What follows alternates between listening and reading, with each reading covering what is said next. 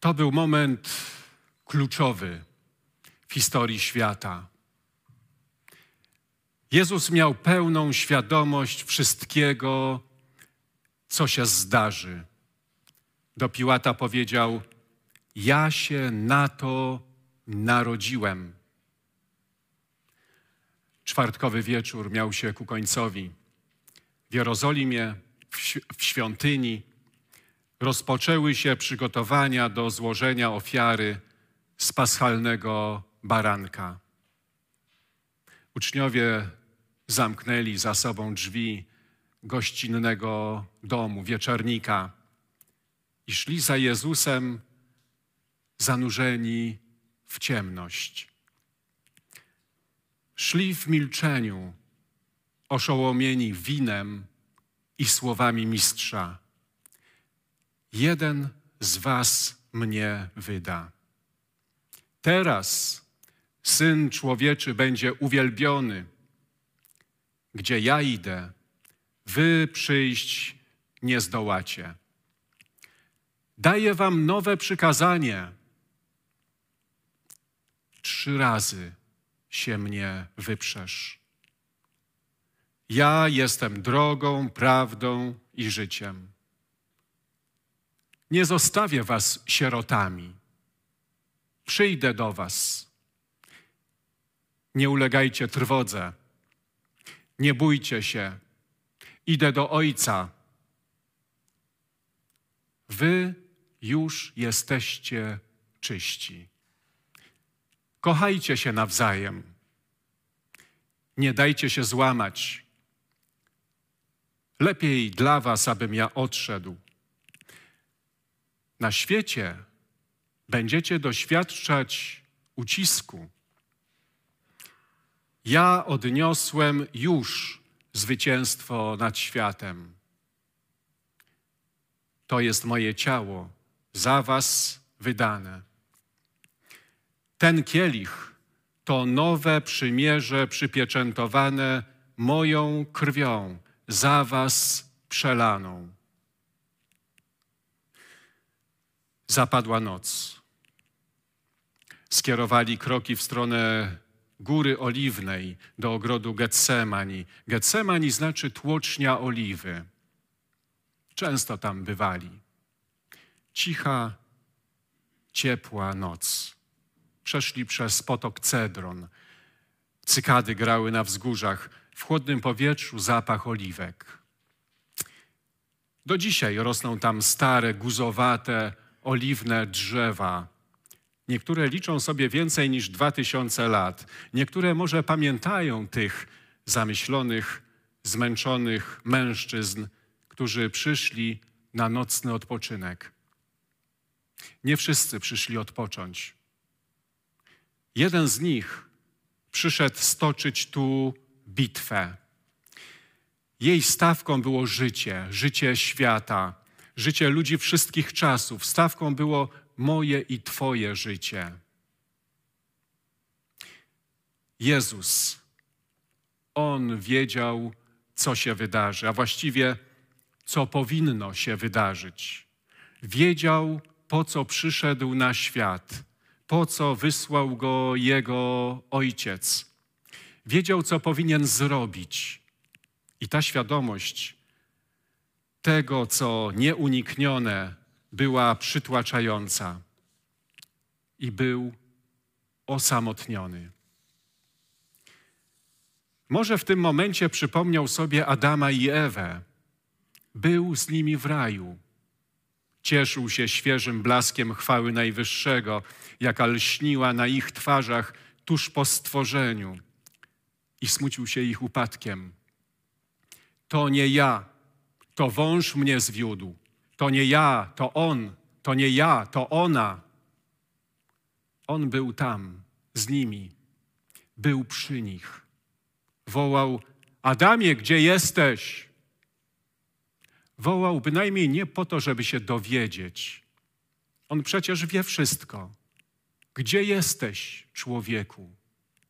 Dlaczego się ukryłeś przede mną? Jego wołanie odbija się echem po dziś dzień. On woła nie po to, żeby się dowiedzieć. On woła, by ratować odartego z Bożej chwały człowieka, który wybrał własną drogę. Nie Twoja wola, ale moja wola, ja. To kwintesencja buntu Adama. Nie Twoja wola, ale moja wola. Decyzja Adama sprawiła, że odstąpił od Bożego obrazu i podobieństwa. Tymczasem Bóg sam okrywał żałosną nagość pierwszych ludzi, kiedy stali tam nadzy, odarci z chwały, zranieni grzechem, zbuntowani, wystraszeni, zagubieni, we własnych oczach godni kary, w Jego oczach godni litości, miłosierdzia. On jeden nie oskarżał, on jeden chronił i to w momencie buntu i upadku. Czytamy w Księdze Rodzaju, że przygotował dla nich ubrania ze skóry, bo byli nadzy. Im nie było zimno, im było wstyd. Nieposłuszeństwo obudziło w człowieku poczucie winy i wzajemną wrogość. On tam wtedy po raz pierwszy zdecydował. Wąż kusiciel usłyszał wyrok, prorocze słowa, zapowiedź ostatecznego rozwiązania. Wzbudzę też nieprzyjaźń między Tobą i między kobietą, między Twoim potomstwem i między jej potomstwem. Ono zrani Ci głowę, a Ty zranisz mu piętę. To protoewangelia, zapowiedź zwycięstwa potomstwa kobiety nad złym i złem świata. To kontekst pieśni o słudze Jahwe. Jezus znał nie tylko kontekst, kontekst każdego słowa tego proroctwa. On znał jego głębokie znaczenie i boleśnie przytłaczający ciężar. Przyszedł przecież wypełnić prawo i spełnić zapowiedzi proroków co do Joty. On potomstwo kobiety. On Jezus, a właściwie Jeszua, Mesjasz, Pan i prawdziwy człowiek z krwi i kości, jak ja i ty, jak my, z całym bagażem ludzkich doświadczeń, oprócz grzechu. Baranek bez skazy, sługa Jahwe. Z pewnością znaczenie ma to, że proroctwo Izajasza, zapisane 700 lat przed przyjściem Mesjasza na ziemię, mówi o słudze Pana w czasie dokonanym. On wziął na siebie nasze choroby, dźwigał nasze cierpienia. On został przebity za nasze przestępstwa, zgnieciony za nasze winy. Spadła na niego kara w imię naszego pokoju, a jego ranami zostaliśmy uleczeni. To zostało zapisane w czasie przeszłym na wypadek naszych przyszłych ludzkich pytań o Bożą miłość i na czas wątpliwości, kiedy przechodzimy przez ogień cierpienia czy choroby. On już wziął. On już dźwigał. Zostaliśmy uleczeni. To już się stało bo On zdecydował. Izajasz prorokuje dalej, że bito go i torturowano. Jezus wiedział, co go czeka. Znał na pamięć wszystkie proroctwa o losie, jaki go czeka. Ta świadomość ciążyła mu. Czuł presję, bał się, Przede wszystkim bał się oddzielenia od Ojca, z którym był przecież jednością. On nie znał grzechu. ale mia miał wziąć na siebie grzech świata. Z tą świadomością, z tymi uczuciami, z tymi emocjami Jezus wchodził do Getsemani. Mateusz zrelacjonował to tak. W ten sposób Jezus przybył wraz z uczniami do ogrodu o nazwie Getsemani. Tam powiedział do nich: Usiądźcie tutaj, ja odejdę nieco dalej, pomodlę się. Wziął ze sobą Piotra i dwóch synów Zebedeusza. Ogarnęły go smutek i trwoga. Jest mi smutno na duszy, powiedział. Śmiertelnie smutno. Zostańcie tutaj, czuwajcie ze mną. Znów odszedł nieco dalej, upadł na twarz, modlił się: Ojcze mój, jeśli to możliwe, niech mnie ominie ten kielich. Jednak nie tak, jak ja chcę. Niech będzie jak chcesz Ty. Powrócił do uczniów, lecz zastał ich śpiącymi. Powiedział do Piotra: Nie mogliście czuwać ze mną nawet godziny? Czuwajcie i módlcie się, abyście nie upadli w czasie próby. Duch wprawdzie pełen chęci, ale ciało słabe. Oddalił się po raz drugi. Modlił się, Ojcze mój, jeśli już mam pić z tego kielicha, niech będzie Twoja wola. I znów, kiedy przyszedł, zastał ich śpiącymi. Powieki same im opadały. Zostawił ich zatem, oddalił się ponownie i po raz trzeci modlił się podobnie jak wcześniej. Następnie przyszedł do uczniów i powiedział do nich: Potem będziecie spać i odpoczywać. Nadeszła godzina. Syn człowieczy będzie wydany w ręce grzeszników. Wstańcie, chodźmy. Oto zbliża się ten, który ma mnie wydać. Historie wielkich wydarzeń zaczynały się często od jednego zdania. Kości zostały rzucone. Co według Ciebie było najważniejszym wydarzeniem w historii świata? Pamiętamy o narodzinach Jezusa, Jego ukrzyżowaniu czy zmartwychwstaniu. Wszystko to nie miałoby znaczenia, gdyby nie Jego bój stoczony w ogrodzie Getsemani i poddanie się Bożej woli. Kiedy Jezus powiedział: Niech się stanie wola Twoja, był to punkt zwrotny w historii ludzkości. Od tej chwili Jego ofiara na krzyżu i zwycięstwo poprzez zmartwychwstanie były nieuniknione.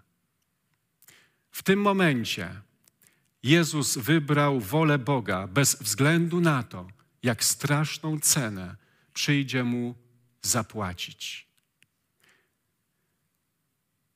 Kiedy do ogrodu weszła rzymska kohorta i policja świątynna, Jezus był już zdecydowany, był gotowy, już wiedział, był pewny. Niech się stanie wola Twoja. Warto pamiętać, że rzymska kohorta to minimum 200 żołnierzy. Do tego oddział uzbrojonej policji na usługach arcykapłanów i faryzeuszy. Typowy sojusz władzy politycznej i religijnej. Żeby chronić uczniów przed aresztowaniem, Jezus zapytał, kogo szukacie? Powiedzieli, Jezusa z Nazaretu. Jego odpowiedź rzuciła na kolana kilkuset uzbrojonych ludzi. Ja jestem. Jego słowa miały moc i autorytet. Zawsze tak było. Przyszli po zapadnięciu zmroku, bo bali się ludu.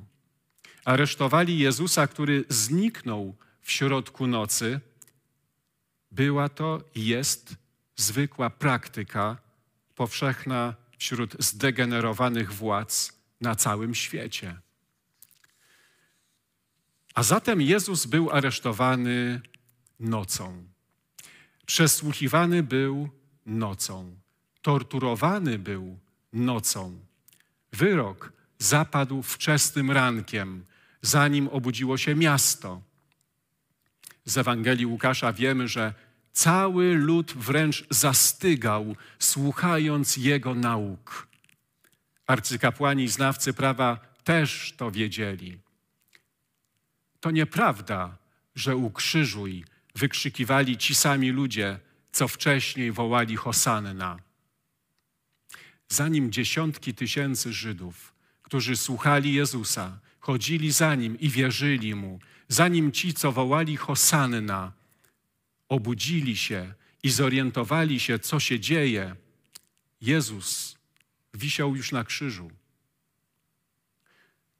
W czasie, kiedy w świątyni ofiarowany był baranek paschalny. W tym samym czasie. Przypadek? Nie, to nie przypadek. Właśnie spełniały się prorocze słowa Abrahama skierowane do Izaaka. Bóg sobie upatrzy jagnię na ofiarę całopalną. Jezus nie stracił życia. On oddał swoje życie, ofiarował. A to wielka różnica, czyż nie? Jezus nie był ofiarą ludzkich spisków, a już na pewno nie był ofiarą ślepego losu. Każde Jego słowo, każdy Jego czyn znajdował się pod Bożą kontrolą i nadzorem. To Jezus podjął decyzję. Kiedy wisiał na krzyżu, niektórzy myśleli, że dopieli swego, że Jezus przegrał. Tymczasem Jezus na krzyżu zwycięża. Jezus mówi: Wykonało się. Nie mówi: Skończyło się, ale wykonało się, bo spełniły się już wszystkie proroctwa o cierpiącym Mesjaszu. Wykonało się bo Jezus z synowskim poświęceniem wypełnił do końca plany odkupienia świata. Miłość Ojca względem nas, grzeszników, została w pełni udowodniona. Panowanie Jezusa polega na dobrowolnej ofierze.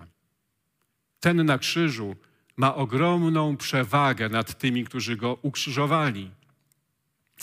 Setnik żołnierz rzymski, poganin, zauważył to i oddał mu chwałę.